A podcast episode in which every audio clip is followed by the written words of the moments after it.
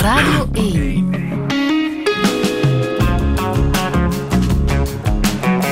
Douche. Met Friede Lesage. Touché met Jos de Pauw. Goedemorgen. Goedemorgen, Friedel. Zeg ik dat goed, Jos? ja, dat is een... Uh, dat evolueert. Ja. Sommige mensen zeggen Josse, anderen zeggen Josse, anderen zeggen Jos. Zoals, eigenlijk, het is een Franse naam. Dus Josse uh, is de correcte uitspraak. Maar het maakt mij allemaal niet zoveel uit. Hoor. Nee, toch niet? Nee, nee, het is goed. Maar diegenen die jou echt goed kennen, zeggen meestal Jos. Hè? Ja, die zeggen Jos. Ja, voor eens en altijd. Ja. Ik zal proberen ook Jos te zeggen goed. vandaag. Vrijdag ben je in première gegaan met jouw nieuwste voorstelling, Rhapsody. Gisteren ook gespeeld. Hoe ging het? Ik ben heel blij, ja. Ik ben heel blij. Een première is altijd een première. Dat, is, dat blijft een, een beetje kinderachtig, zelfs op 70 jaar. Dat is, ja? Ja, ja die, die, die, die, die zenuw uh, laat niet alles toe. Dat is een beetje, ja, je wordt wat haastig. Of je... Voilà. Gisteravond zat hij er veel beter in. En, uh, en vanavond nog eens, hè? En vanavond nog eens. In dat huis, de KVS in Brussel. Ja. Is dat ook een beetje thuiskomen op een of andere manier? Dat het in het Brussel is in elk is, geval een dat huis, dat uh, deel uitmaakt van, van, van, van mijn leven. Ja, ik ben eigenlijk zelfs in de tijd op het conservatorium kregen we al van Saint-Roufaar onder andere les op de zolders van de oude KVS dan, of lang voor de verbouwing Ja. en zo. Uh, dus ja, dat is een, dat is een belangrijk huis geweest en, en later dan veel gespeeld. En, uh, en nu heel blij dat ik er nog mag staan. Ja. Ja, en dat je daar je 50 jaar op de planken mag vieren Ja. en 70 jaar in dit leven. Het is wel wat, hè? Het is wel wat, ja. Het is, uh, je ontkomt er niet aan. Ik zou er normaal aan voorbij wandelen, maar ja, er is nu zo'n nadruk op gelegd dat ik zelf... Maar ik, het, ik, ik vind 70 ook, uh, heb ik al eens gezegd, een mooier getal 69, uh, dat, dat is iets anders, 69. Dus 70 mag gevierd worden en mag dat ook met... Ik duik even hier achter een klein schermpje. Mag dat ook gevierd worden met iets dat bubbelt? Zeker weten, ja. Dank u wel. Alsjeblieft, alsjeblieft. En laat het, uh, laat het smaken. Dat is heel lief. Um, mensen omschrijven jou natuurlijk graag als theatermaker, ook als auteur, want je schrijft, maar muzikanten omschrijven jou als muzikant. Ja, daar ben ik misschien nog wel het meest trots op. Ja, ja. Ja, ik, uh, ik, ik, ik, val goed samen met muziek op een of andere manier. Want ik, ik ben geen muzikant, ik speel geen instrument. Ik, kan, uh, ik herken noten, maar ik kan die niet. Ik kan geen partituur lezen, zo, maar, maar ik heb een, uh, een muzikaliteit in mij die, die heel makkelijk omgang vindt. Zowel met jazz als klassieke muziek. Als, ja, ik kan mij goed nestelen in muziek met woorden, ja. En als het niet over de job gaat, hoe zou je je dan omschrijven? Oei. Als mens? Hm. Ik heb toch het gevoel dat het allemaal passeert langs wat ik doe of zo. Ik maak dat onderscheid niet zo. Het, is... Wat ik doe is ook tegelijk heel erg mijn leven. Met, vaak met alle gevolgen van die nog. Ik denk dat ik op bepaalde momenten uh, meer aandacht had voor wat ik aan het doen was. En dus voor mezelf. Dan dat ik had kunnen geven aan andere mensen die het misschien op dat moment wel nodig hadden. Dat zijn overwegingen die ik soms maak. Maar het is ook niet mogelijk van wat ik doe te doen zonder die, dat, die concentratie op jezelf en op wat je daarmee wil bereiken. Dat is... Want in jouw geval staat er denk ik heel veel Jos op het podium, hè?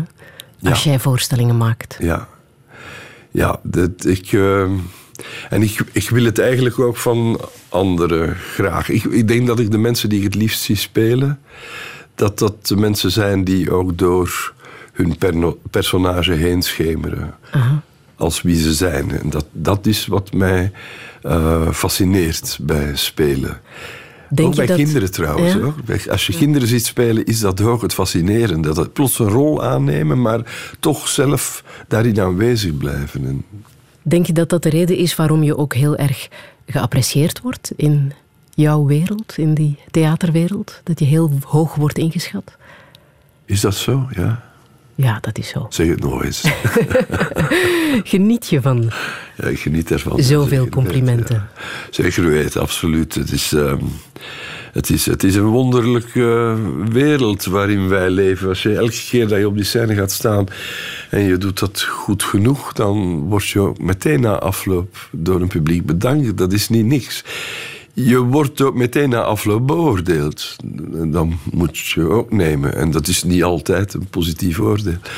Maar het is... Uh, ja, ja, nee, ik ben, ik ben natuurlijk mij wel ervan bewust dat, dat ik genoeg appreciatie krijg binnen, binnen de wereld. En ik, en ik ben daar zeer blij mee. Ja. ja. Ik zie nu ook een Jos zonder lange uh, haren en een wilde baard. Ja, Mocht het wat naakter op uh, Ja, ik, ik, soms ben ik dat beu. Ja? Uh, alhoewel ik wel moet zeggen dat ik, die lange baard, dat heeft ook iets op. Uh, je bent daar ook mee bezig. Daar hangt je hand hangt daarin. Of, in de winter is dat lekker warm. En het gaat zo in de richting van de rollen die ik dan speel. Toen was ik Moby Dick van Gorgeous O'Clue aan het spelen. En dat paste erg goed bij dat personage van die uh, waanzinnige kapitein. Maar op een bepaald moment moet het dan toch af. Dan ben ik mijn gezicht in de spiegel beu met zo'n baard en dan ah. alles eraf. Jos de Pauw, welkom in Touché. Dank u wel.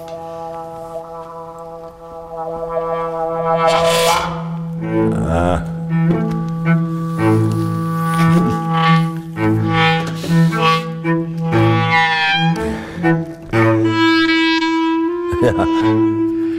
Sloeg de krant open. En daar stond in... De paus ging Auschwitz bezoeken. En dat heb ik gelezen. En dat was voor mij zo'n schok. Dat op het moment dat Auschwitz een toeristenattractie geworden is, met opgepoetste schedels, en het Vaticaan ook een toeristenattractie is, ontmoeten die twee elkaar, dat moment. En dat moment dat het dus voor toeristen is, ontmoeten ze elkaar, die twee. Die twee instellingen. En dat is voor mij was dat zo'n schok, zo'n klap.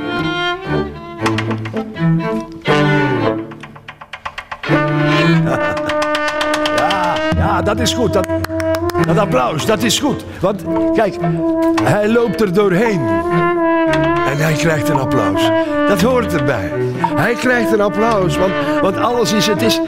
het is een theatervoorstelling van mij. Niks is, is nog echt. Het is een theatervoorstelling geworden. En daarom ook dat liedje van Jacques Brel gezongen door Nina Simone.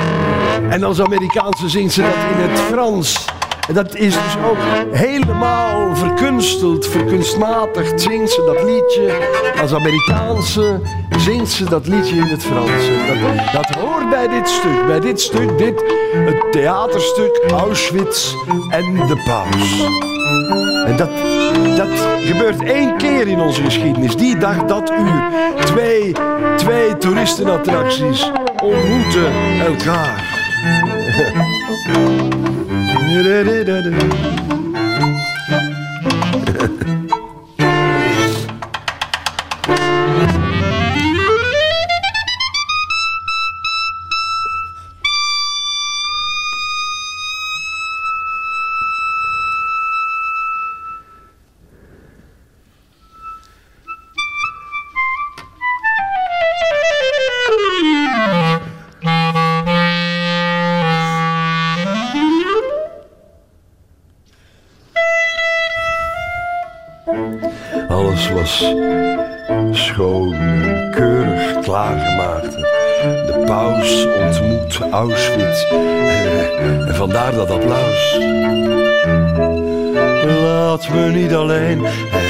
Komt hij. Laat me niet alleen. Het is theater. Het is een theaterstuk geworden. De echte ellende is al jaren geleden geweest. Het echte drama is voorbij. Dit is de troost. De troost van onze civilisatie. Het is dit, die ontmoeting. Hier wordt alles getroost. Hij komt de troost brengen als alles voorbij is.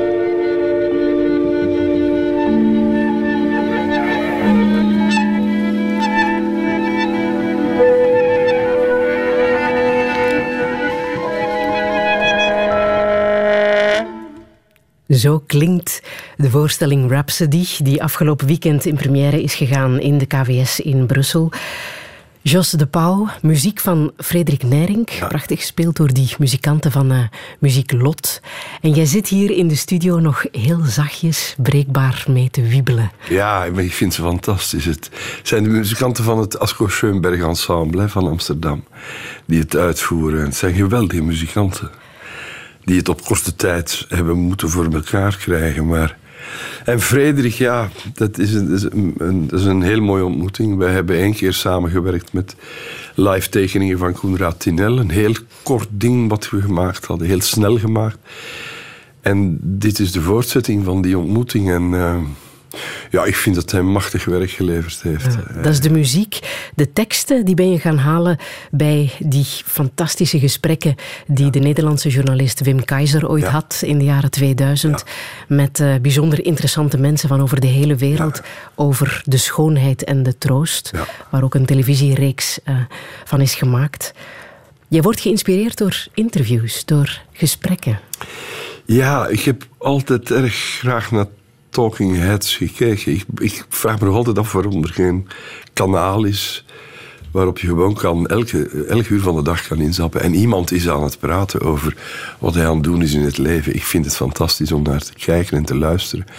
Nu, Keizer was zeer hoog niveau. Plots was dat daar bij de VPRO. En um, ja, die reeksen hebben mij ja, zonder overdrijven meegevormd. Ah. Uh, hij heeft er een aantal gemaakt, hè, interviewreeksen.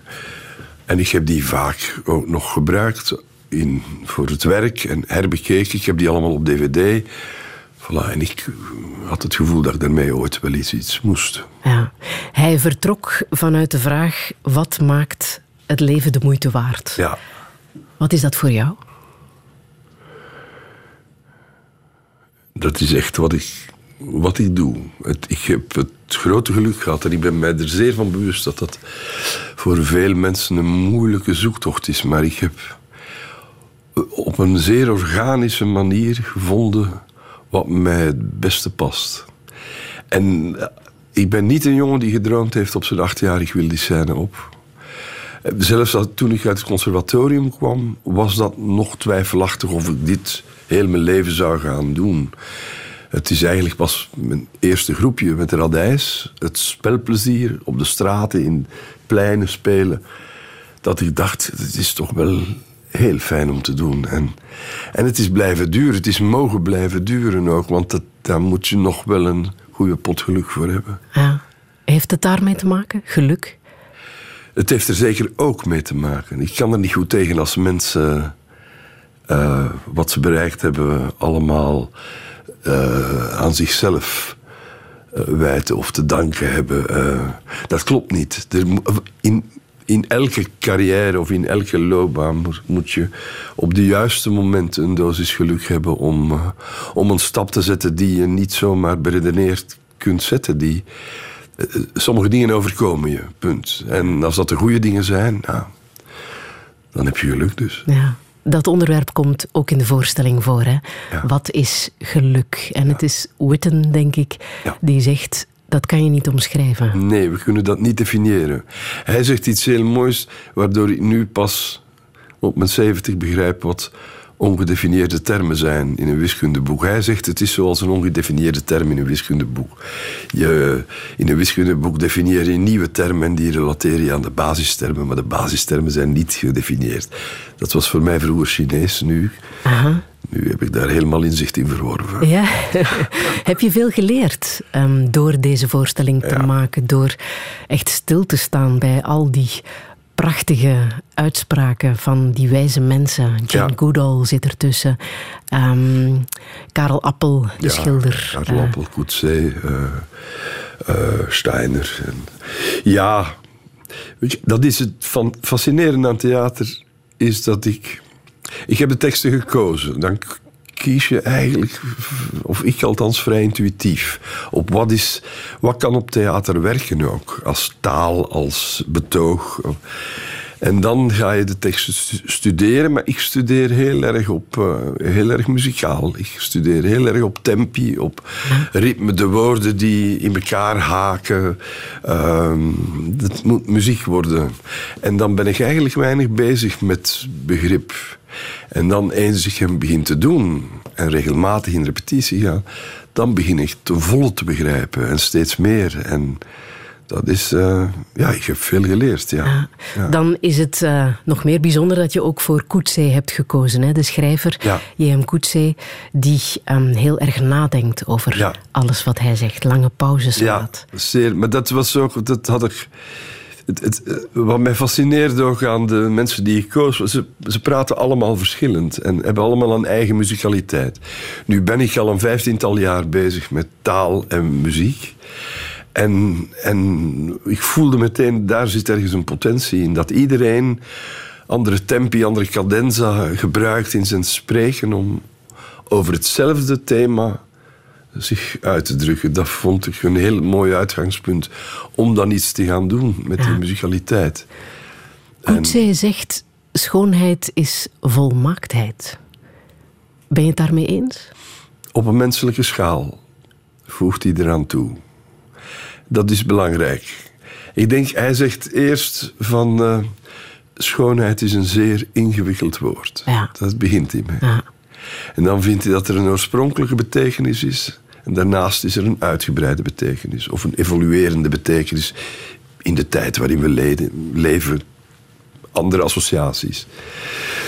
Maar ik begrijp heel goed wat hij bedoelt met dat volmaaktheid op een menselijke schaal. De eerste plaats volmaakte menselijke lichaam. Omdat dat ook voor mij nog altijd zo'n wonder is dat zo'n lichaam gewoon werkt. Mm 70 jaar nu al. En het is misschien door het feit dat het nu af en toe gaat haperen, dat ik er met mijn neus opgedrukt word. Dat dat een ongelooflijke, volmaakte, een soort volmaakte vorm is waarmee wij dan door het leven, en dat in mijn geval althans, vaak misbruiken. Mm Niet genoeg voor zorgen. Toen ik de voorstelling zag vrijdag, dacht ik hoe moeilijk is het om het over de schoonheid en de troost te hebben als in de achtergrond een oorlog woedt? Dat is moeilijk. Dat, dat, dat, uh, dat is een absolute spelbreker. Uh, aan de andere kant kan ik mezelf ook wijsmaken dat dit nu zo nodig is van het daarover te hebben. Over uh, schoonheid, over troost, over wat ons in het leven boeit en gaande houdt. Maar het is een, het is een, een, hele donkere wolk, ja. Wat biedt, nog troost in deze dagen voor jou? Ik, ik heb... Uh, ik heb trucjes, denk ik. Ik ga... Ik weet wat ik altijd heel graag doe. En dat is bijvoorbeeld lezen. En als mijn hoofd uh, te rommelig wordt, dan is een boek dat ik aan het lezen ben en dat mij meesleept. Een heel fijne manier om dat hoofd terug rustig te krijgen en uh, ook af te leiden op een of andere manier van waar het dan problemen mee heeft of whatever. Omdat je dan in een andere wereld wordt gezogen? Ja, ik, kan, ik, ik laat mij heel erg graag meeslepen. Als iemand dat goed doet, dan ben ik zeer dankbaar. Ja. ja. Bartender, I'd like a Manhattan, please.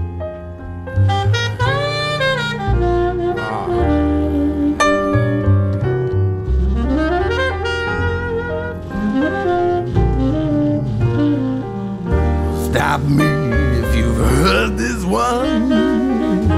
I feel as though we've met before. Perhaps I am mistaken. But it's just that I remind you of someone you used to care about. Oh, but that was long ago.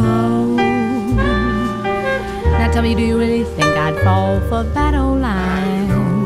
I was not born just yesterday. Besides, I never talk to strangers anyway. Well, I ain't a bad guy when you get to know me. I just thought there ain't no harm. Hey, yeah, just try minding your own business, bud. Who asked you to annoy me with your sad, sad repartee? Besides, I never talk to strangers anyway. Your life's a store novel. This town is full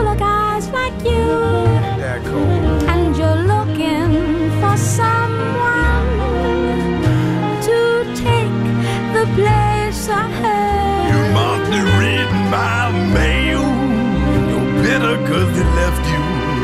That's why you're drinking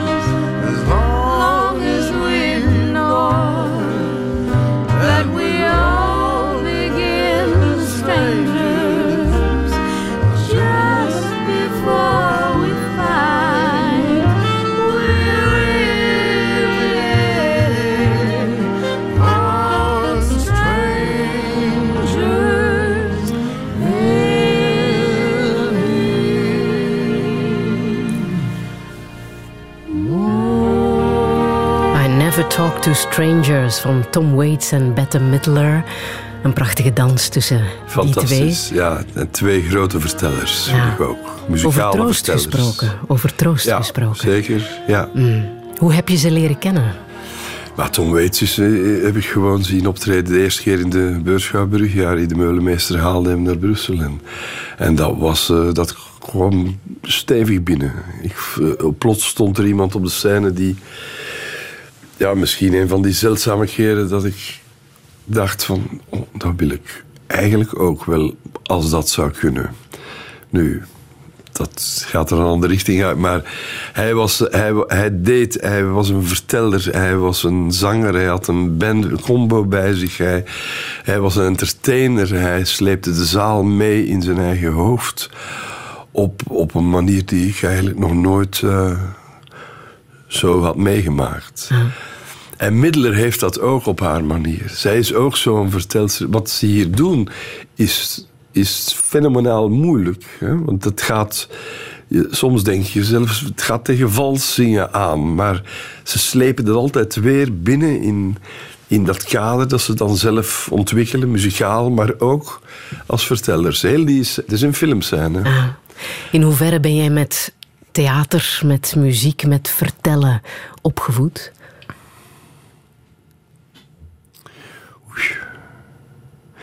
Ik denk niet dat dat bij.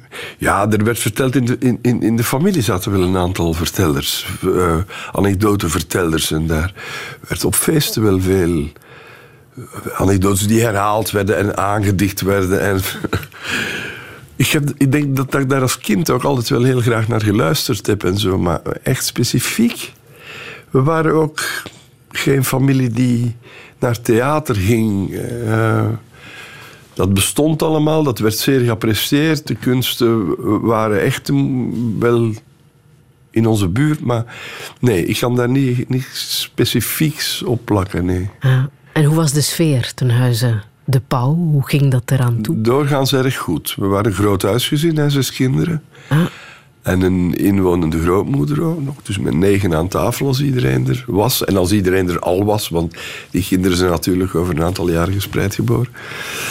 Maar ehm, ja, moeder eh, eh, bestierde het huishouden.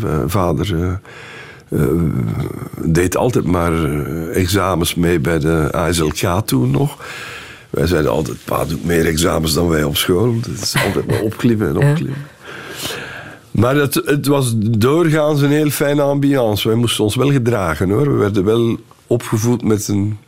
We moesten beleefd zijn. En eh, maar er was ook veel vrijheid. En zeker moeder had wel.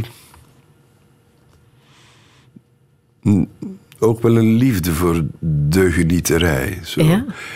Ja, ze, ik denk dat ze zou ongerust geworden zijn als we dat niet in ons hadden. Ze had dat zelf ook, ze heeft dat nog steeds. En ja, dus er, was, er ontstond een soort vrijheid, maar er moest altijd wel... Je moest je correct in het leven staan. Dat, daar werd je wel eh, op gewezen. Ze is 94 Ze is ondertussen. 94 nu. Hoe kijkt zij naar haar zoon die straks 70 wordt? Daar kom je nooit helemaal achter. Maar ik denk, ja, ik denk, ja, ze ziet mij graag. Dat weet ik wel. En ik zie haar ook heel graag. Ze was ook op de première.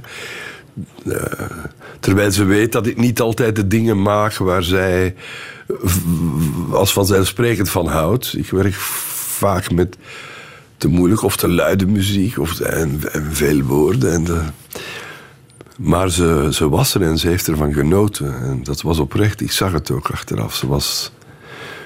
Jawel. ehm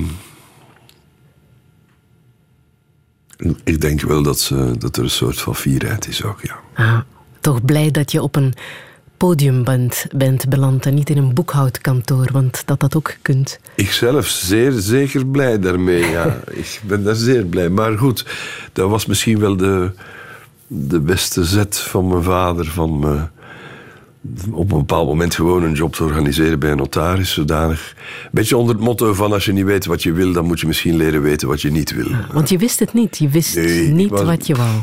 Ik was zeer zorgeloos hoor. Irritant zorgeloos Ja? voor mijn ouders. Ja. Ik was zeer tevreden hè, met alles wat er was. Maakte geen plannen voor de toekomst, want het was gewoon, alles was goed. Dus, dus nee, ik, besteedde daar weinig aandacht aan, aan. Hoe moet dat hier nu verder? Het was gewoon leven nu, boem. En toen heeft vader ingegrepen en, en dat heeft zeker geholpen. Ik heb een jaar op dat kantoor gezeten. Eigenlijk heb ik daar ook een fijne tijd gehad. Want ik, kon ik vond alles wel goed Ja? op een of andere manier. Maar ik wist toen wel van dit wil ik niet mijn hele leven. Dat, dat kan het niet zijn. Want voordat je op dat boekhoudkantoor terechtkwam, ehm, heb je nog even een grote reis gemaakt. Hè? Zoals Ja, ja, ik ben er zoveel nog- jonge mensen wel doen op hun 18. Ja. Heb jij ook gedaan? Ja, ik ben, ik ben naar Algerije ge- getrokken, ja. Maar dat, ik, ik herinner mij dat meer als van de druk af willen zijn. Van, eh, van de, de verwachtingen. De, er werd... Het was ook nog een tijd dat er echt eh, nadruk gelegd werd op je, je, je moet een toekomst bouwen. Je moet, eh, je moet daarmee bezig zijn. En ik was dat zo beu van altijd die druk te voelen. En je moet goed beseffen, toen ik naar Algerije trok, bedoel, mobiele telefoons bestonden niet. Hè. Je was 1970 weg was dat, ja. En je was dus echt weg.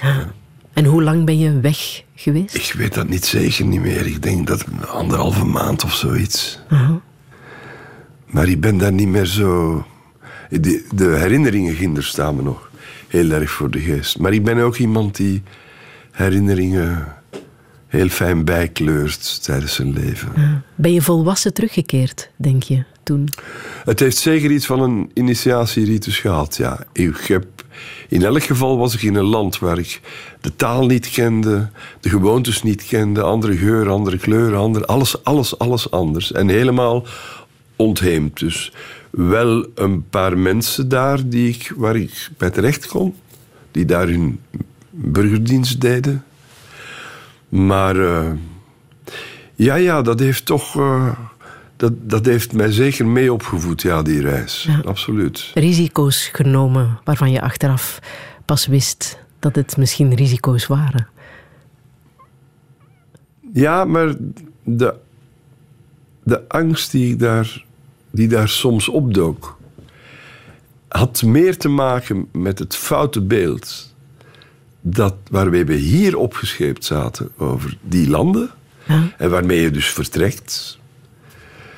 Dan met uh, wat er in realiteit aan de hand was. Want ik, ik, de mensen in Algerije, ik heb, ik heb dat zeer gasvrij. En dat was het Algerije van Boumedienne. Het was niet, de fundamentalisten waren nog niet aan het werken. Dat is later fout gelopen. Maar, uh, maar het was vooral dat we hier een, een, een idee opgelepeld kregen over vreemdelingen en kleurlingen en bruinen en niet te vertrouwen. En ik schrijf in Open Veld schrijf ik van dat het verwonderlijk is dat de, de, de Duitsers heel dat land bezet hebben hier.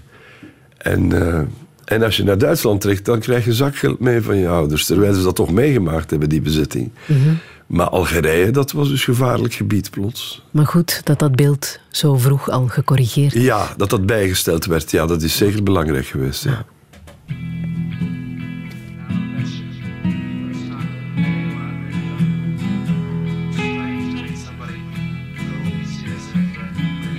Said now people they hurt each other all the time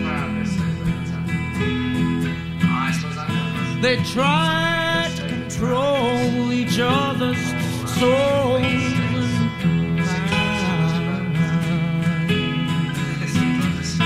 But now I've changed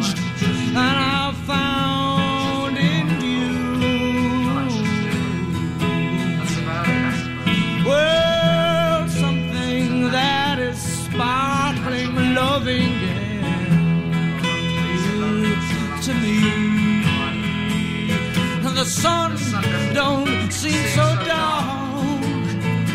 No, the shadows don't seem so sharp. And I can almost hear the harps. I'll put some roses in your room. Loving is never easy to try. Just might lose, and we just might be made to cry. But I.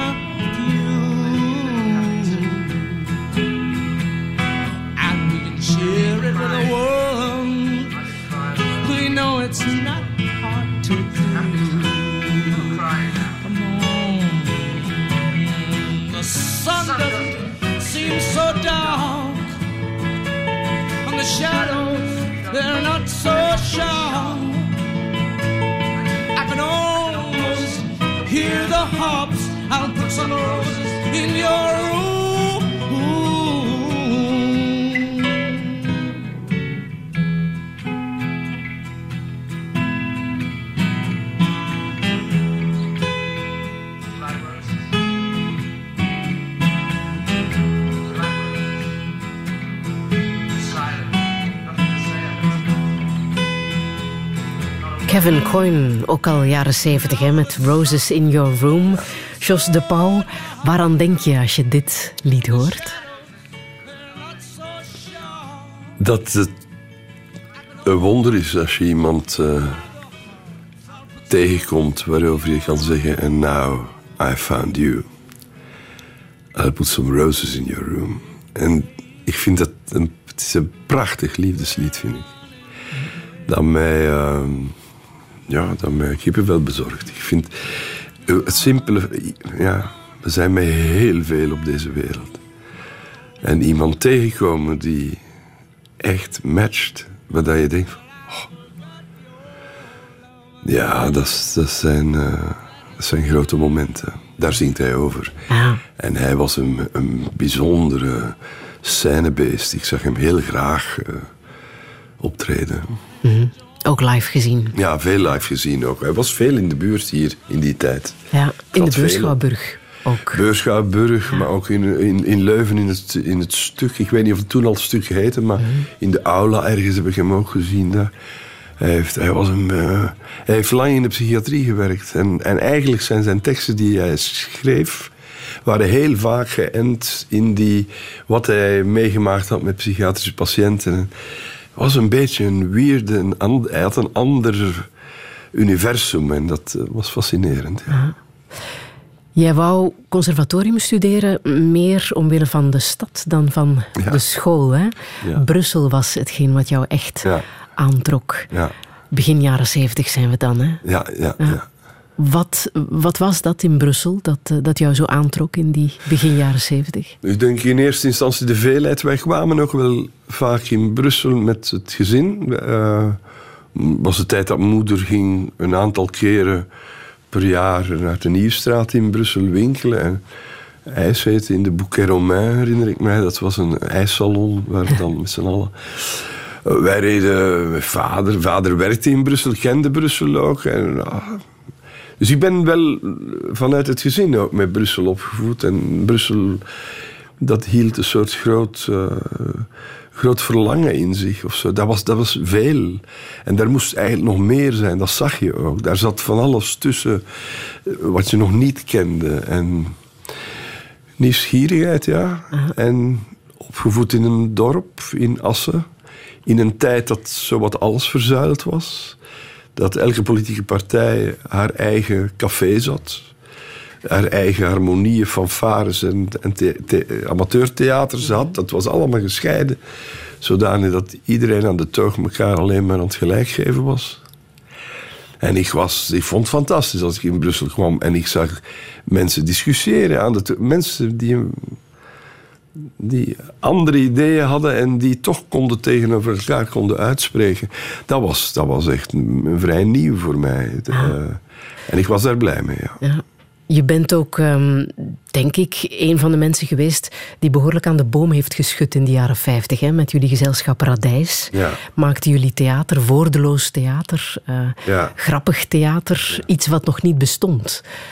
Nee, en, maar het is ook wel uit noodzaak geboren. We wisten... eh, het hele subsidiesysteem zat anders in elkaar. Wij konden geen subsidies, wij hadden niks. Dus waar konden we gaan spelen? Op de straat, in de plein. Ja, daar.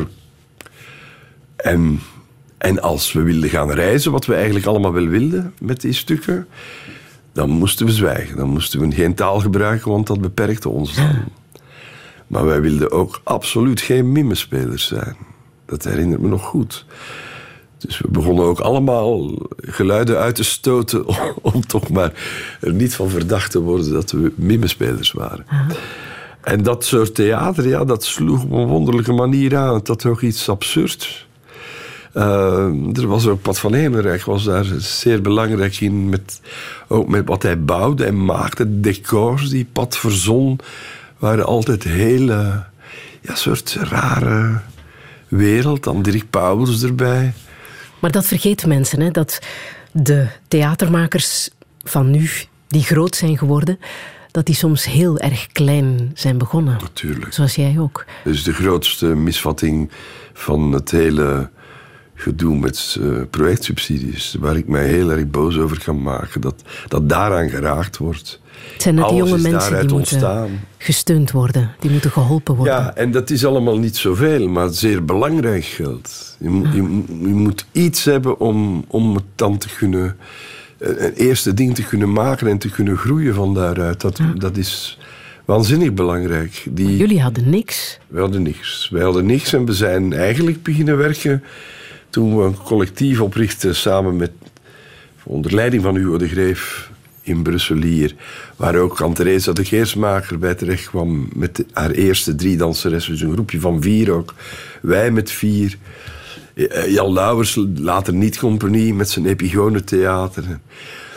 Maar eh Radijs maakte een voorstelling en ging op tournee, bracht wat geld binnen waarmee Anne-Theresa kon een voorstelling maken. Dan vertrokken die met die voorstelling op tournee, brachten geld binnen waarmee wij weer een voorstelling.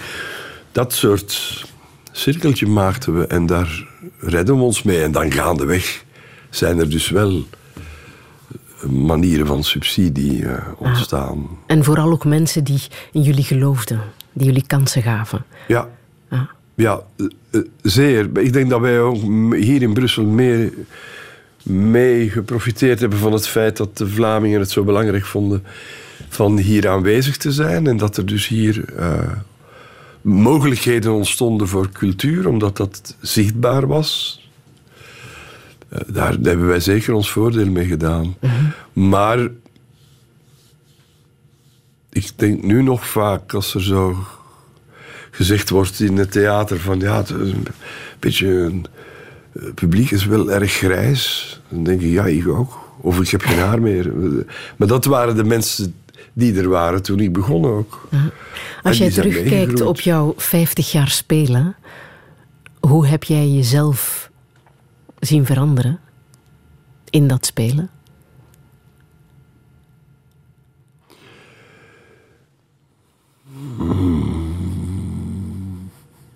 Ik denk dat ik steeds meer dat tussengebied opgezocht heb, waar we het al eerder in de uitzending over hadden. Dat mezelf er laten doorschemeren. Verder nog een soort in- en uitstappen uit een rol doe ik erg graag. Eigenlijk over iemand vertellen en die deels ook schetsmatig aanzetten als personage, maar daar kunnen uitstappen en naar kijken en erover vertellen. Dat zijn vormen die ik eh, heel graag hanteer. Eh, ik, er zijn ook, ik ken ook spelers die zich heel graag verkleden en, en een complete transformaties. En dat ben ik nooit geweest. Dat, dat is ook nooit geworden. Het is altijd heel erg met mezelf de scène op. Ja. Je hebt in heel veel films ook gespeeld. Ja. Misschien zat er zelfs een internationale filmcarrière in, als het aan Charles Bukowski lag. Ja. Hij heeft ooit heel mooie woorden voor jou neergeschreven in een ja. boekje. Ja. Weet je nog wat hij toen schreef? Dat mag je nu bijna niet meer uitspreken op de radio. Hij schreef iets van uh, George Mann. If you would live in America, you would be in bed every fucking night with a 16-year-old girl. Dat waren zijn woorden. Dat zijn nu vreselijke woorden natuurlijk, stilaan. Maar dat was toen humor. en uh, ja, Bukowski hield heel erg van Crazy Love. Hij vond dat de beste film die er op basis van zijn werk gemaakt was. Ook al had hij zelf scenario's. Barfly heeft hij zelf geschreven en zo. Maar hij was grote fan van, van, van uh, Crazy Love van Dominique de Rudder. Ja, wat jij hebt gespeeld. Dat ik speelde. En, kon hem zelfs ontmoeten. Ja, en dat is nog altijd, ik vind het nog altijd een fout. Dat ik, toen, ik moest toen repeteren. Ik was met een stuk bezig en ik moest repeteren. Maar ik vind dat ik toen het recht had om te zeggen: jongens, we gaan het eventjes uitstellen. Nu ga ik een weekje naar L.A., want Bukowski wil mij graag ontmoeten. Dat had ik gewoon moeten doen. En daar was ik te schroomvol in en te veel... Wat denk een goede houding is hoor. Ik bedoel, afspraken in theater zijn afspraken. Je moet daar niet van weglopen. Maar dat had ik denk ik kunnen uitleggen aan mijn medespelers. En van kom, laat me eventjes een week gaan. Ik maak het maar één keer mee. Dat heb ik niet gedaan. Dat vind ik heel jammer, ja. En die filmcarrière, want je hebt wel op de rode loper van de Oscars mogen lopen. Dankzij ja. iedereen beroemd, toen genomineerd hè, in de categorie beste buitenlandse film. Ja, ja. ja het, is een, uh, het, is een, het is een zeer uh, opgefokte wereld, hè? Hollywood. Dus ik ben heel blij dat ik dat gezien heb van dichtbij. Maar er was iets anders. Dat was. Crazy Love was, is nog altijd waarschijnlijk de beste film waarin ik heb meegedraaid. En die mij dierbaarst is in elk geval. Um, en het werd ook een beetje in sommige landen een beetje een cultfilm. Er zijn zaaltjes geweest die dat een jaar en een stuk niets anders dan die film nog draaide. En waar het publiek naartoe ging. En, ja, heel leven speelt het dan wel door je hoofd. Stel nu dat iemand als David Lynch die film te zien krijgt en denkt van... Ik ga die jongen eens bellen. Daar heb ik wel eens van gedroomd. Ja, maar dat is gelukkig overgegaan. Het zou nog kunnen. Nee, ik denk het niet. Nee? Nee, het is een, het is een, is een wereld die ook op netwerken draait. En, en je moet daar veel in investeren. Je moet gewoon al beschikbaarheid. Ik speel theater, dan ben je niet beschikbaar genoeg voor cinema. De cinema is zeer dwingend. Ze bellen en dan moet je er staan. Of niet. En vaak is dat dan niet.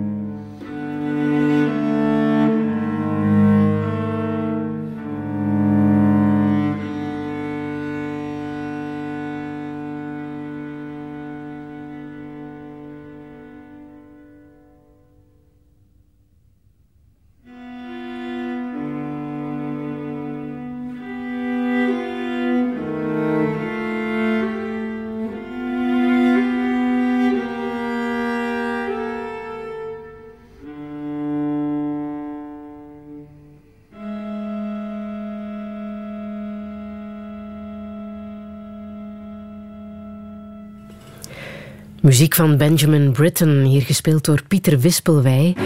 Suite nummer 1, opus 72.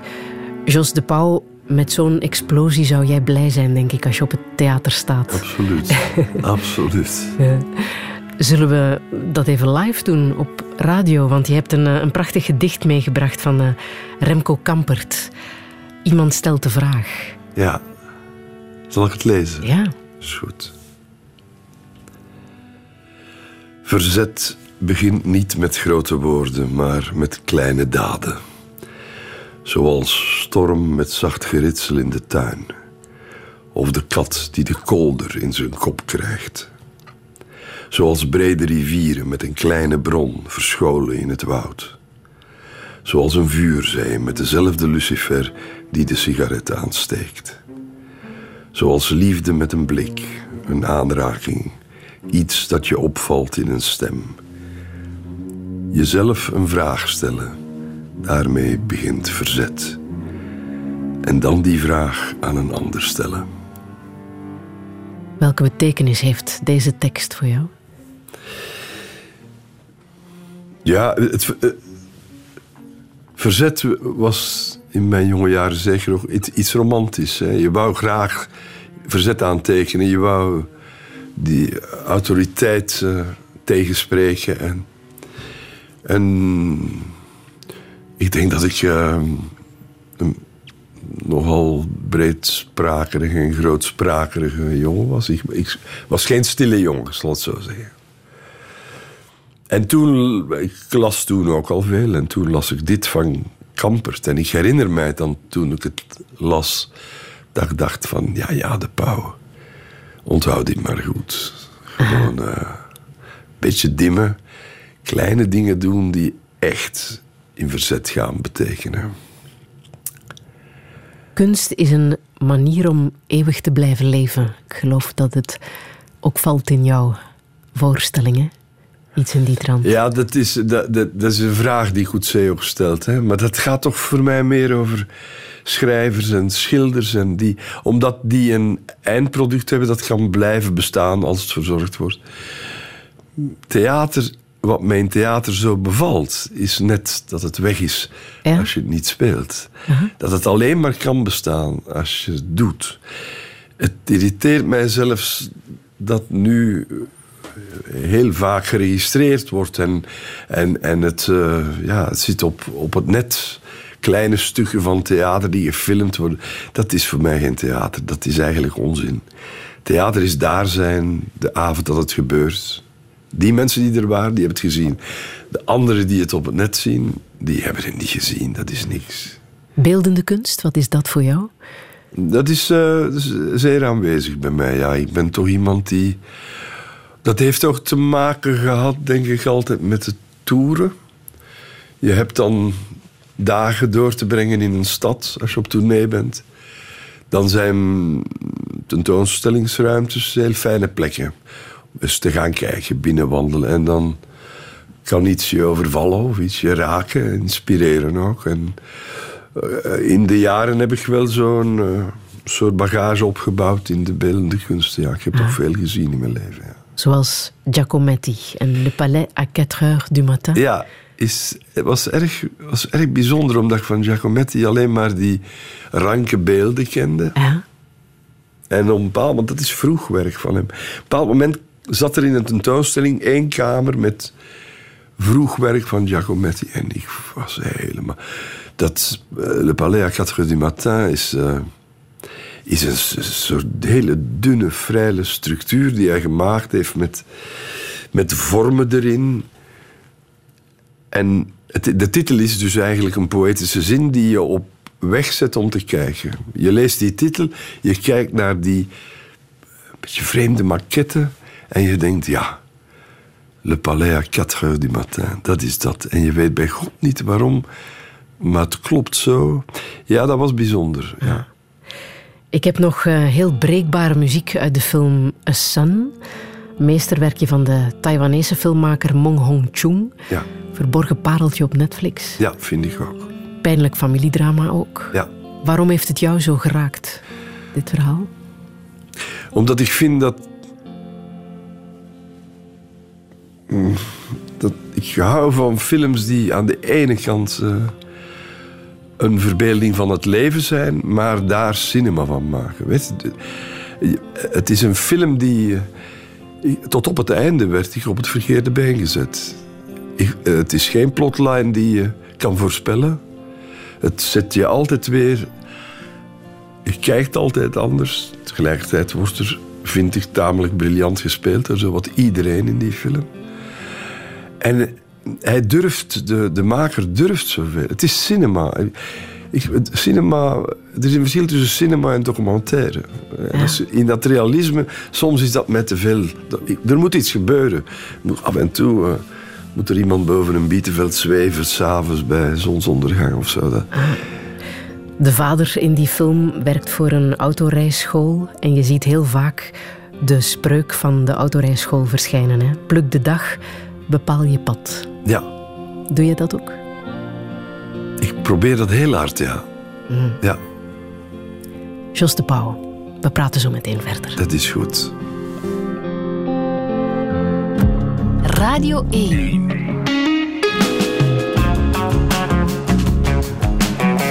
Douche. Met Friede Lesage. Touché met Jos de Pauw. Overmorgen wordt hij 70 en dat viert hij met Rhapsody. Een muzikale theatervoorstelling gebaseerd op de gesprekken van Wim Keizer over de schoonheid en de troost.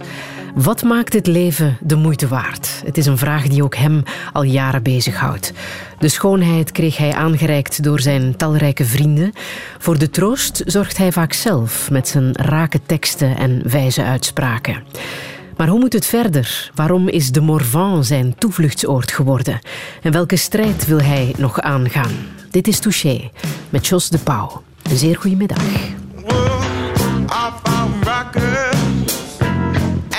Crazy. And with the right medication, we won't be lazy. Doing old folks boogie down on the farm. Wheelchairs, they were locked on me now. Bed off pacemakers with matching alarm. Gives you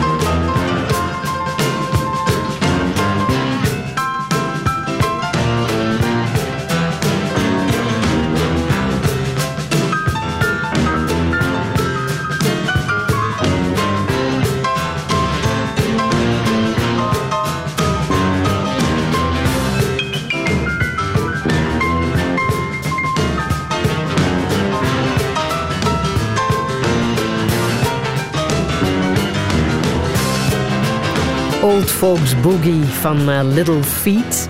Jos de Pauw, hier moet op gedanst worden. Hè? Ja, absoluut. Dat is echt een eh, stevig dansnummer. Is dat, ja. En je moet er een zekere leeftijd voor hebben om er te mogen op dansen, vind ik. Waaraan doet je dit denken? Ja, de- het, het bijzondere daaraan is dat dat een... Little Feet, ik, ik, eh, ik hield heel erg van de band. En, en je zingt dat dan jaren mee. Ik denk dat iets uit 78 of zoiets is. Je zingt dat mee.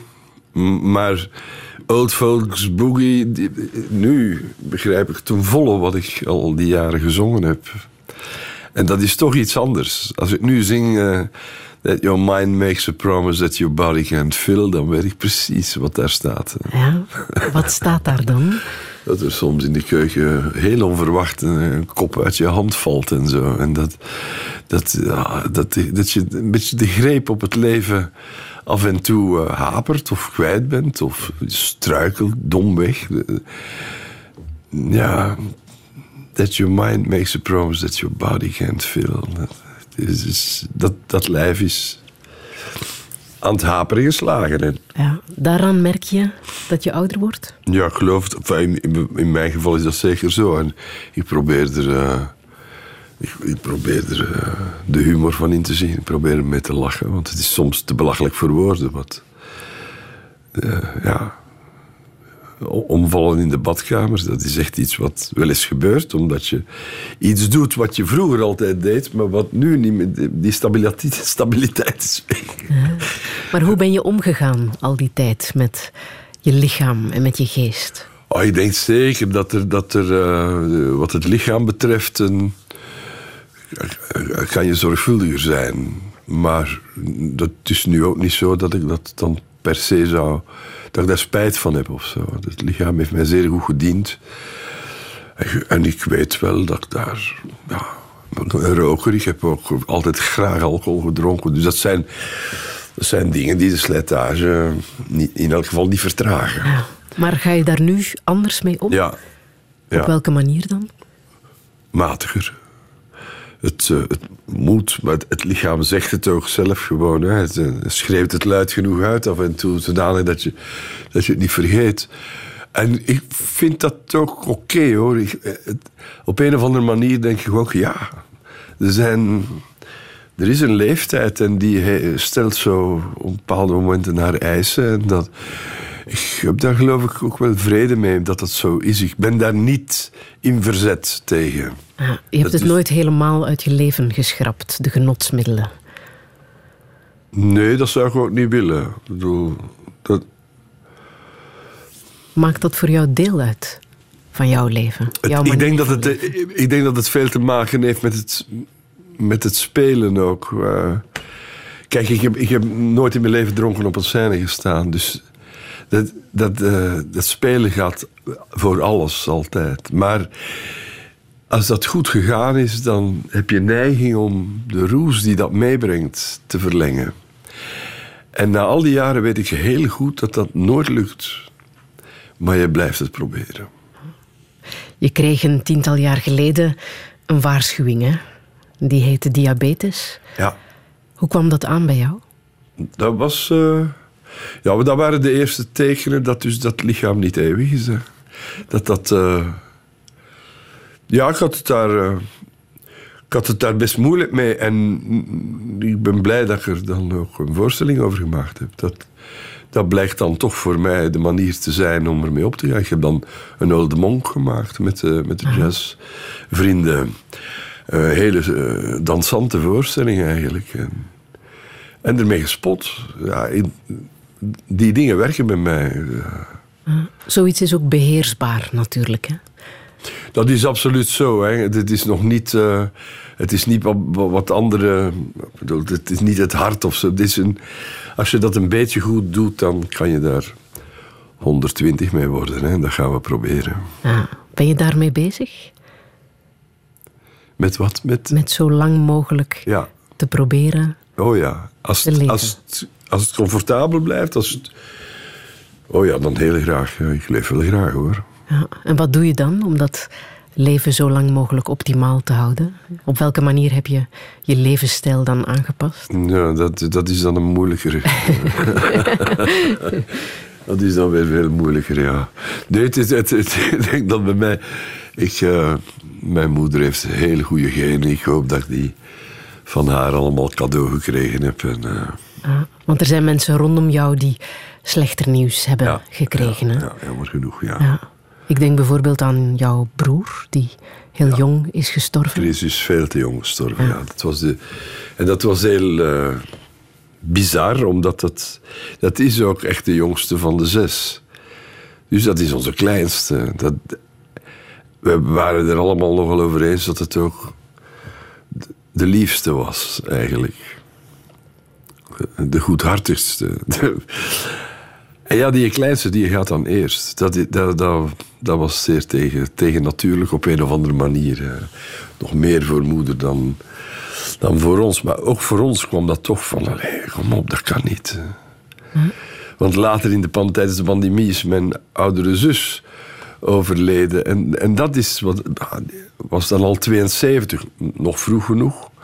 Maar, maar dat, is, dat gevoel is anders daar rond. Chris was, uh, Chris was, een, ja, was een schok. Ja.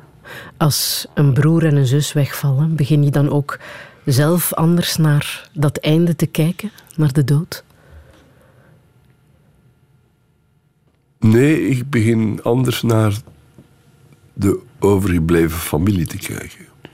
Dat is wel anders. Dat is. Uh, dat wordt je op een of andere manier dierbaarder of zo. Daar, besteed ik denk ik nu meer zorg aan, aan die contacten, dan dat ik dat vroeger deed. En dat heeft zeker ook te maken daarmee, ja, dat, dat je het belang daarvan plots ziet ook. Mm -hmm. dat, ja, We gaan er zo makkelijk vanuit dat alles er gewoon is. En blijft. En blijft. En dat is niet zo, hè dat iemand als Arno ook altijd in Brussel zal zijn. Nee, dat zal. Eh, ja, als, dat, dat als Arno verdwijnt, dan is dat alsof er eh, een prachtig oud gebouw in de benedenstad afgebroken wordt of zo. Hè. Dat is zo deel van, van het beeld van die stad. En, en in mijn leven, ja, we hebben toch 15, tal jaren heel dicht bij elkaar geleefd en veel, veel deugd aan elkaar gehad. Dus ja. Nou ja, maar het is. Ik kan er niet omheen, hè. Het gaat eh, die richting uit, hoe dan ook. In de voorstelling heb je het over de hemel, denk ik. Ja. Dat je die kan verbeelden, hè? Met troost en schoonheid de, eh, het is goed- het is goed C-tekst ook. Hij zegt... eh, Ik kan, me, ik kan een hemel bedenken die niet vervelend is voor een lange tijd. Maar ik kan geen hemel bedenken die nooit vervelend is. Eh, hij heeft het over die paradox dat wij een eeuwige rust zoeken. En die hemel noemen. Maar dat onze levenskracht eigenlijk het onmogelijk maakt ons die voor te stellen. Die hemel of die eeuwige rust. Of dat dat... eh, hij trekt dat dan door naar... eh, eh, maken de engelen in de hemel die het eeuwig leven hebben en zonder dood... willen die boeken schrijven of willen die schilderijen maken. Nee dus. Dus zo zit dat niet. In die zin is- alles wat we doen een soort van ja, een vitaliteit die deel uitmaakt van dat leven. En ik denk een verlangen om te blijven leven in, bij velen. Helpt het voor jou dat je iets als een hemel kan verbeelden, dat er iets zou kunnen zijn na de dood? Nee. Daar ben ik heel erg met die laatste tekst van Witten. Eh, daar voel ik mij goed bij. bij eh, je vindt een verklaring voor iets. Hij is dan een wetenschapper. Je vindt een verklaring, maar, maar de verwondering blijft. En die verwondering interpreteert iedereen naar believen. Dat zijn zijn laatste woorden. En dat vind ik ook goed voor mij. Ik verwonder mij enorm over de wereld en wat dit allemaal is. En er is heel veel wat we niet begrijpen. Maar ik ben niet noodzakelijk op zoek naar... ehm, dat, er, dat het nog zou verder gaan en zo. Dat, we zien, maakt mij eigenlijk op dit moment niet uit. Ik ben heel erg met leven nu bezig. Ah, niet bang dat er jou... Ja, dat wil je graag niet zijn, maar dat weet je dus niet. Hè. We, we- we weten echt niet hoe we op het einde reageren. Wat er, hoe het dan in dat hoofd het liefst eh, enigszins sereen. Ja, is, of heel plots, boem weg, dat mag ook. Als het maar niet te veel pijn doet allemaal, daar ben ik niet goed in.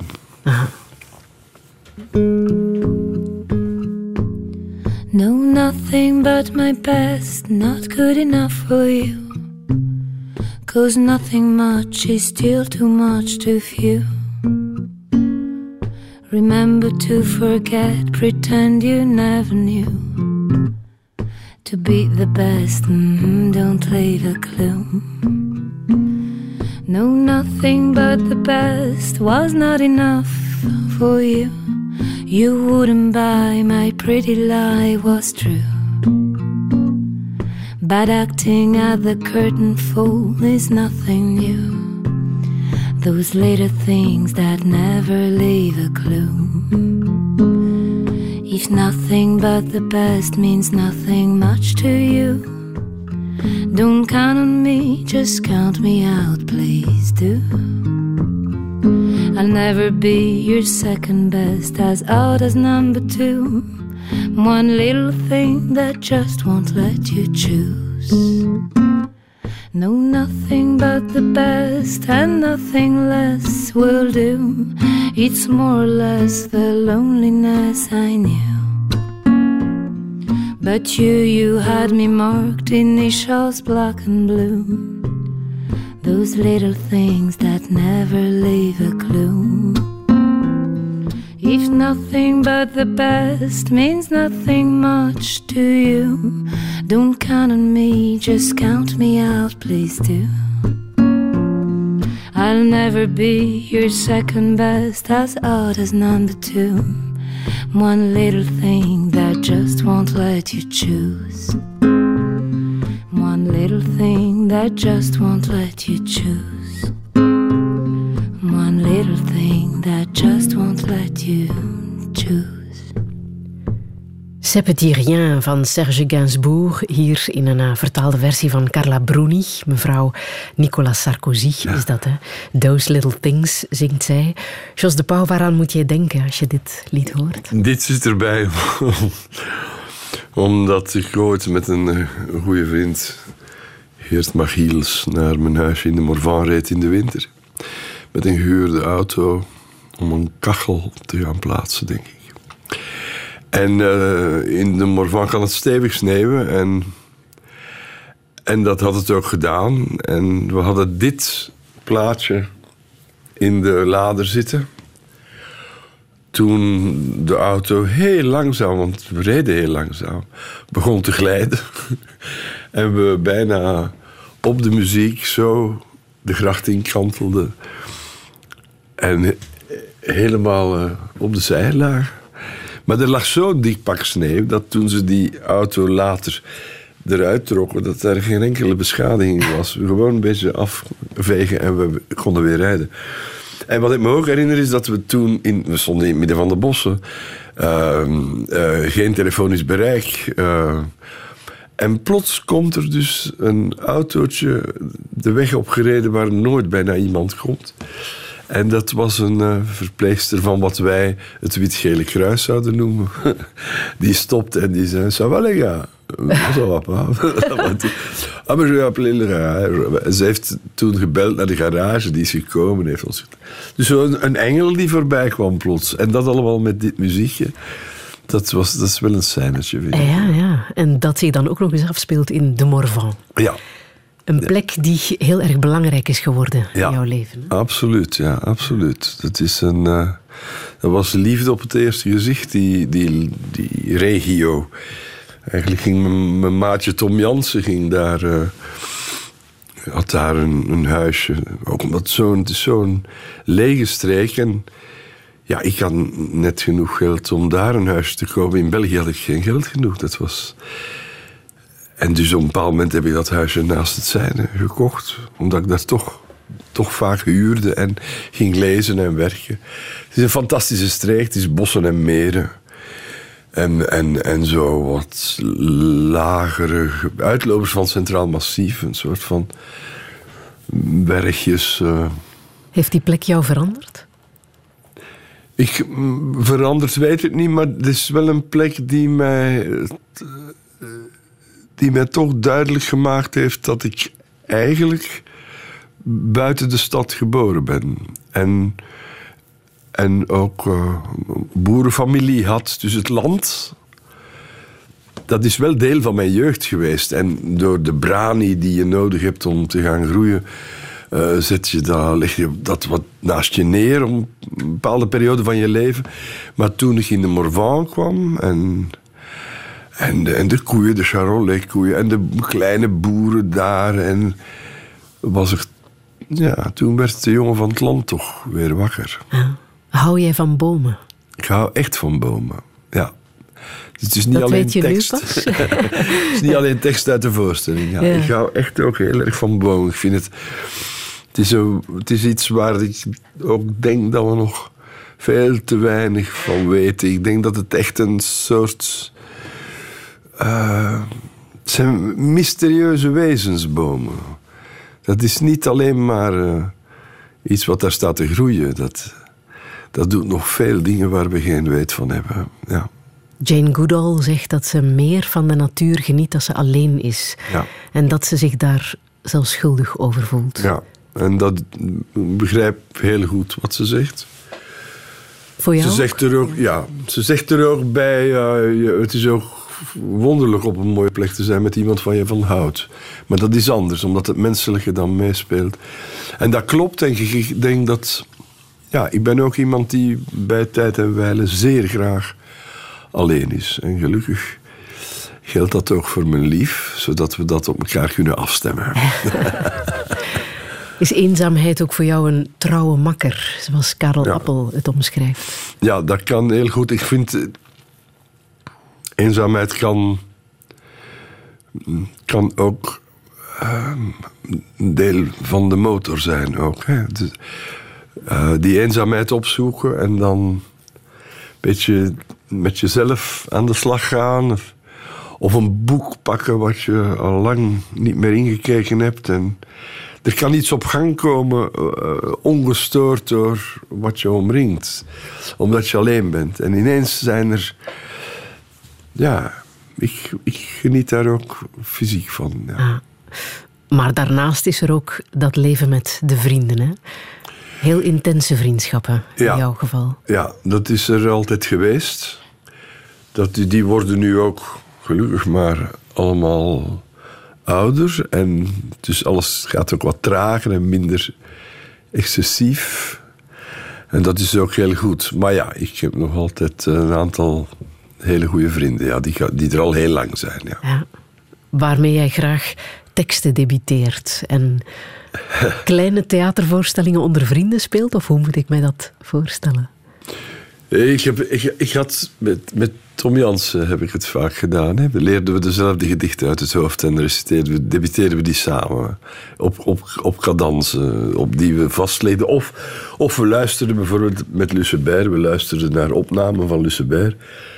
En leerden dus zijn cadenzas uit het hoofd. En begonnen zijn gedichten dan op die manier te zeggen ook. En zo. Ja, dat waren...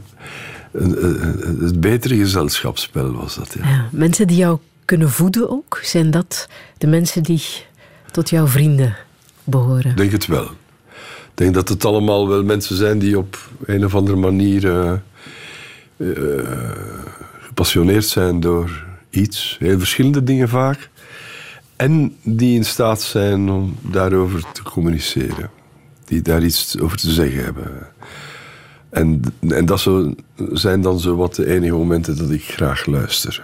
Ja? Ja, ik ben een moeilijke luisteraar. Het is mij nooit. eh, op een of andere manier nooit echt geleerd. Ik vind dat wel wat jammer. Maar, eh, maar als mensen echt eh, een urgentie om iets te vertellen, iets te zeggen, dan kan ik veranderen in een hele goede luisteraar. Ja, een heel geïnteresseerde luisteraar. En dan vragen mijn ogen om meer. Dan moet er, moet er meer komen. Ja. Bij die vriendschappen hoort ook lekker eten en lekker drinken. Graag. Ja? Ja, ja. ja, ja. Komt van jouw moeder? Maar zij heeft daar natuurlijk de basis gelegd. Hè. Ze, ze kookte erg smaakvol. En, en dus ga je daar als vanzelf aandacht aan besteden. De, het, er werd ook iets van gemaakt. We moesten, aan tafel was aan tafel gaan. En eh, daar, ging niet, daar werd niet lichtzinnig mee omgesprongen. Dat waren momenten.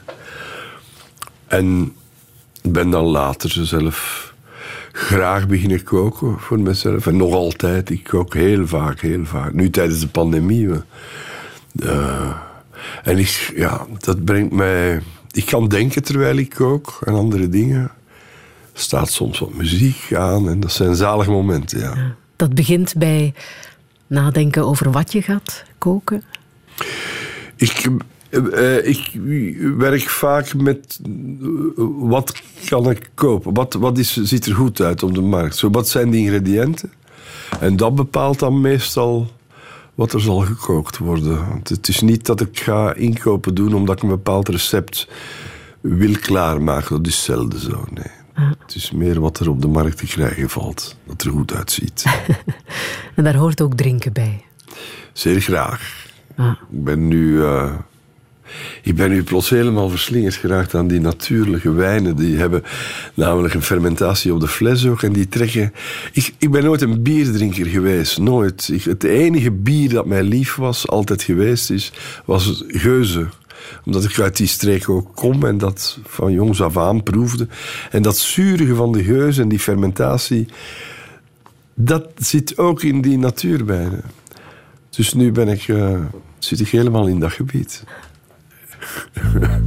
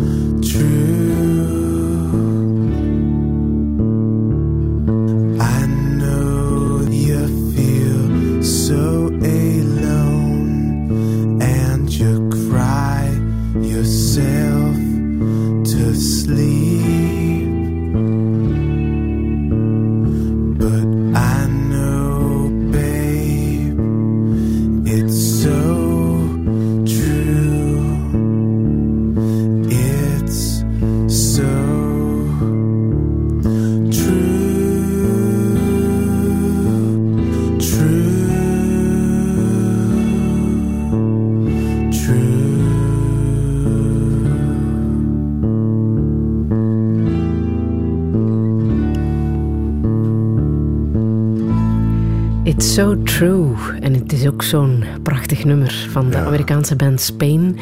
Jos de Pauw, waaraan denk jij als je dit nummer hoort? Ik denk aan de man die het mij aangereikt heeft in eerste instantie. Dat is Johan Dollander geweest, die mij deze plaat gegeven heeft en zei: Je moet dit luisteren. Omdat het ook een manier van iets zeggen is tegen elkaar. Als je zo'n plaat aan iemand geeft en ze zegt: Moet luisteren. Het is een hele donkere plaats. Het is een hele zwaarmoedige plaats. Maar ze is zo mooi gemaakt dat het een.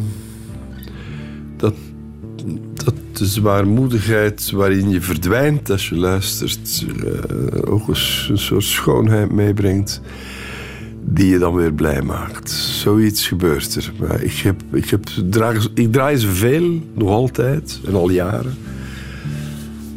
En verder is hij een- de, de zoon van een belangrijke jazzman, van Charlie Hayden. Hij is George Hayden. Die connecties vind ik ook altijd wel fijn zo. Ah, en waarover gaat dit nummer voor jou? It's Ja, over wat de mensen zeggen. Ehm, mensen zeggen, het, eh, het leven zit niet goed in elkaar, je wordt bedrogen. Ze zeggen dit en ze zeggen dat. En dan heb je in een songtekst, heb je, komt er dan meestal maar... eh, Wij hebben de liefde, of dat is niet allemaal zo. Maar hij zingt dan gewoon, it's so true. Dus al die erge dingen die er verteld worden, lieve schat, zijn gewoon echt waar.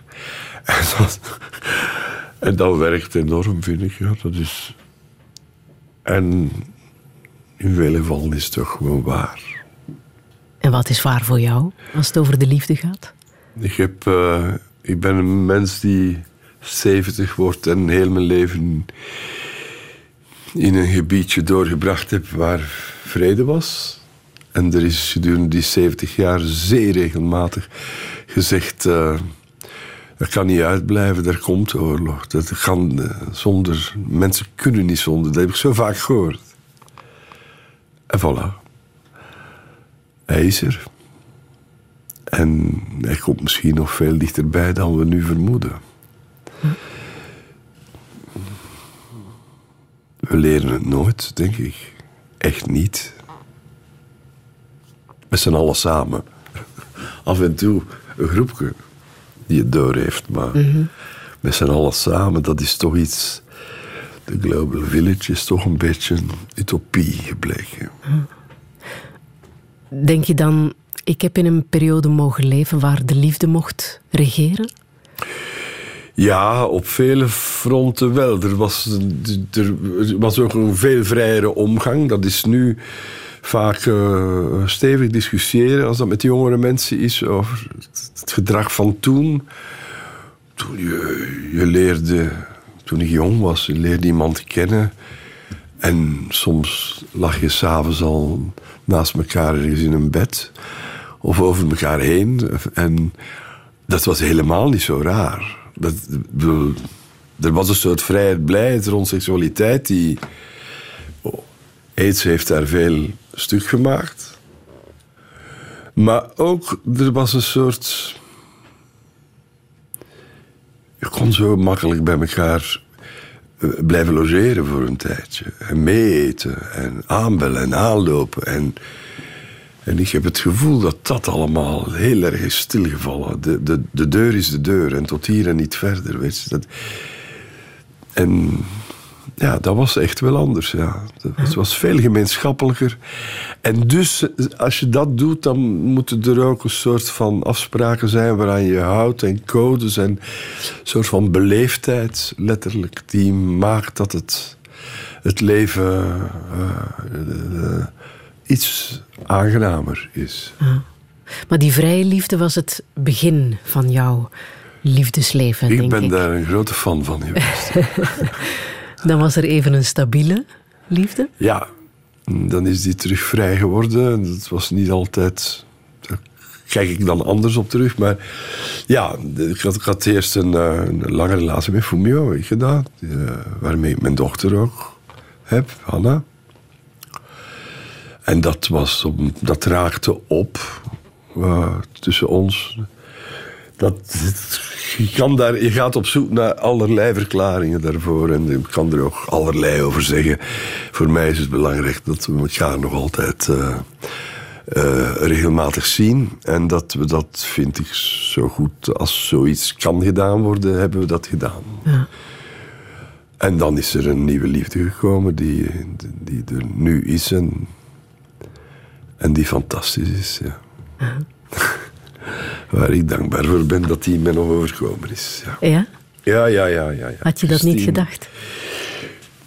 Nee, omdat, omdat je op een bepaalde leeftijd bent en je begint eerder te denken aan een soort uh, gearrangeerd samen zijn of zo. Maar, maar dat, dat, dat was daar plots. En, en dat is echt zo. Ik wil daar graag verwijzen naar het liedje van Kevin Cohen. Ja. Ja. Het is voor haar, ja. Want hoe kijk je nu als bijna 70-jarige naar de liefde en wat dat mag zijn in jouw leven? Ja, er zijn een paar. Aan de ene kant is. Uh, je kan liefde heel breed opvatten en, en zeggen we moeten lief zijn met elkaar. We moeten, we moeten een beetje beter omgaan met elkaar. Dat is nog iets heel anders. Uh, ver, verliefdheid en een stel worden en het met elkaar kunnen redden. En genoeg aan elkaar hebben om bij elkaar te blijven. Daar is denk ik ook wel een stevige pot geluk voor nodig. Je kan daar veel aan doen, maar niet alles. Dat is toch iets wat, ja. Er zitten veel onverwachte factoren die meespelen, vind ik. Ja. Praat jij over de liefde met je dochter? Praat ik over de liefde met mijn dochter?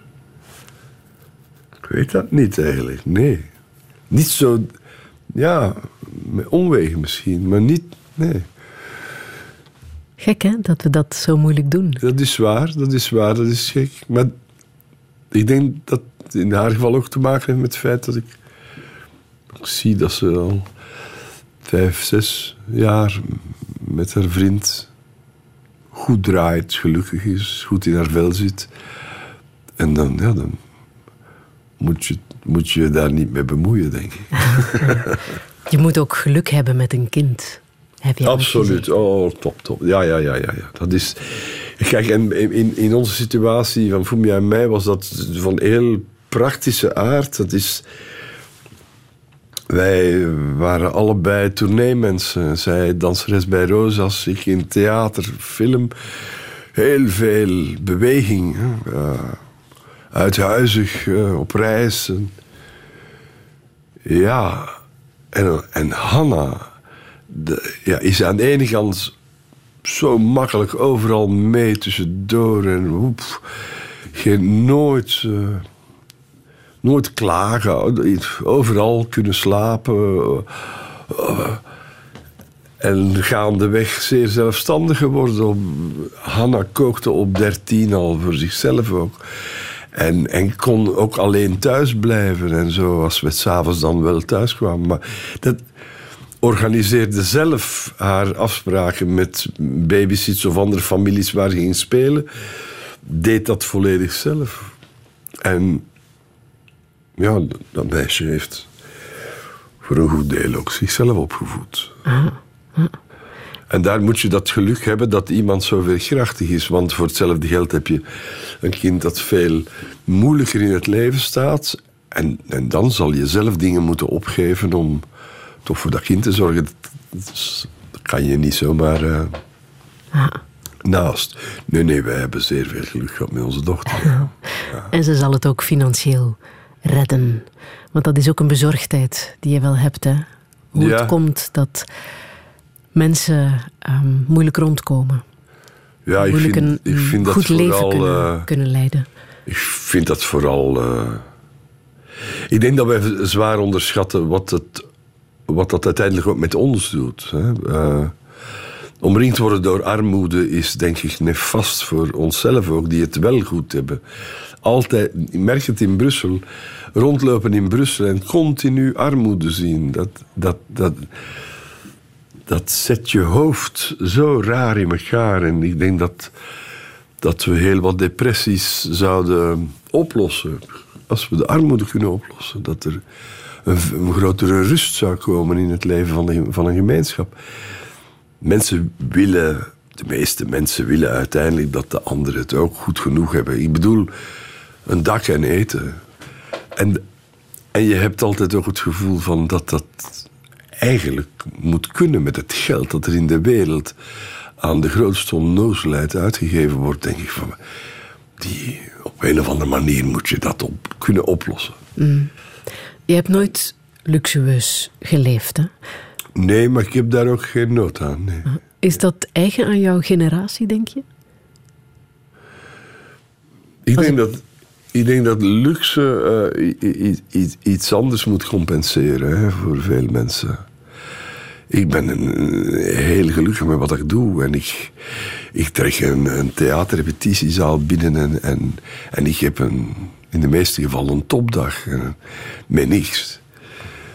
En ik denk dat het luxe leven... eh, bij, als sommige mensen dat willen, dat dat dat dat andere dingen moet compenseren die, die hen ontbreken. Maar goed, dat is ieder zijn leven, zoals we zeggen. Nee, ik heb het nooit, nooit nodig. Integendeel, dat huisje in de Morvan is een zeer basic huisje met een kachel en Daar ben Het is ik, geen eh, luxe buitenverblijf. Nee, absoluut niet. Ja. En daar ben ik zeer... eh, Maar heb je zelf in armoede geleefd, denk je, als je we terugkijkt? noemden dat zo niet. Ja, ja. en dan was het opgelost. Hè. Maar het was ook geen echte armoede. Hè. Ik bedoel, eh, er is nooit... Want armoede... De schrijnende armoede... Het schrijnende aan de armoede is ook de schaamte van de armoede. Weet je? Mensen die, het, die niet kunnen deelnemen aan een, aan een maatschappij met hun kinderen, die hun kinderen niet kunnen geven wat normaal gezien zou moeten. Dat allemaal. Dat heb ik natuurlijk nooit gehad. Wij waren... Wij waren eh, bohemiens. En dan kan je met heel weinig leven. Eh, en nogmaals, wij gingen bij elkaar eten, slapen. Degene die geld had, Ja. die was, eh, die Die was eraan. Ja, dan kwam iedereen eh, Ja. aanbellen.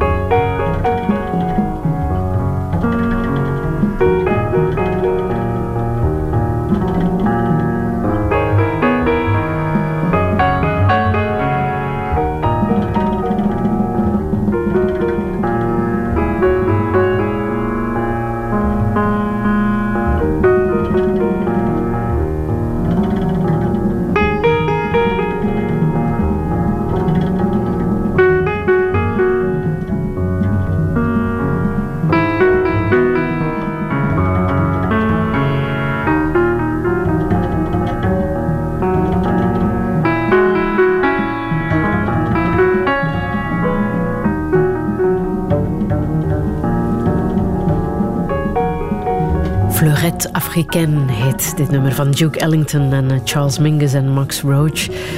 Jos de Pauw, prachtige muziek is dit, hè? Ja, ja het is, een, het is een, zo een van die zeldzame keren dat een, een volledige plaat top is.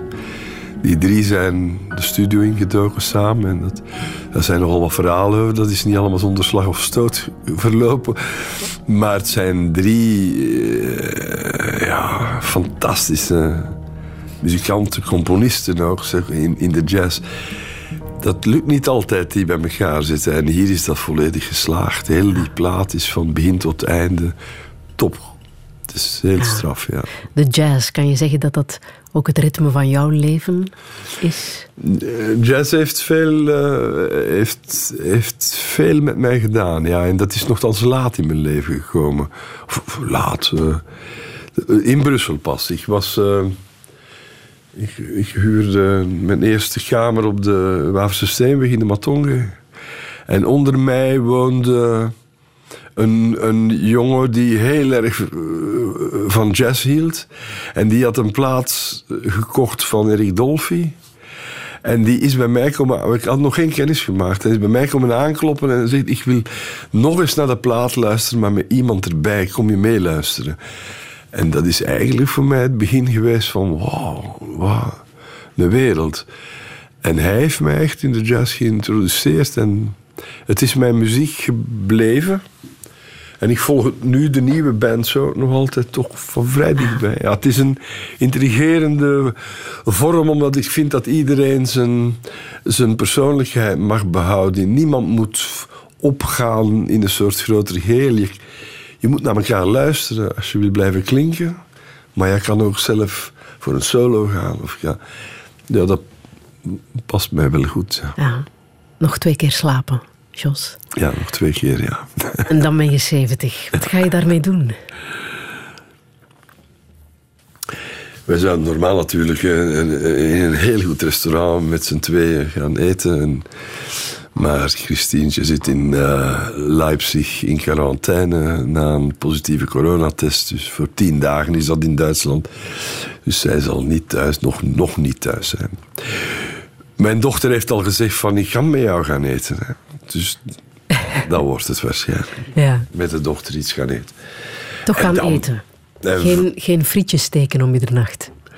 Dat heb ik nu al gedaan. Hè. Ja. Dus er staat een zeer goed friet, eh, friterie bij de KVS. Ja. Dat is ook mijn- iets, hè? Ja, dat is echt een guilty pleasure, omdat het wordt mij natuurlijk afgeraden, friet en mayonaise, maar zo en vooral s'nachts, het gebeurt niet zo regelmatig, maar af en toe wil ik dat echt, en dan buiten opeten ook, hè, in de kou blijven, niet, niet ergens mee naar huis en zo, en dan worden ze slap, dat niet. gewoon bij het frietkot opeten. Ja, dat is top, ja. Blijf je op het podium tot het bittere einde, denk je? Ik, ik mag het hopen. Zol- Zolang ik me comfortabel voel, fysiek, zolang dat allemaal. Ja, kijk, eh, ik heb Arno de laatste weken enorm bewonderd. Ik vind dat hij dat erg goed doet. Je kan dat ook. Dat kan ook fout gaan. Maar eh, hij is op dat podium. Ja, dat podium is zijn leven. Zo, dat geldt voor mij ook. En zolang ik dat kan doen, zal ik dat doen. En als het meelijwekkend wordt of niet meer om aan te zien, dan zal, ik, dan zal mij dat wel gezegd worden door mijn geliefden. Ja. Wat is jouw levensmotto? Eh, ik, ik heb eh, Raymond Goethals eh, altijd graag horen zeggen: niet sieveren, spuilen. En dat is een beetje het motto van mijn moeder ook altijd geweest tijdens onze opvoeding. Wij moesten niet te snel komen zeuren over dingen. Van kom, kom. Je zit in een van de beste stukken van de wereld. Er zijn mensen die het veel erger hebben. Niet sieveren, spuilen.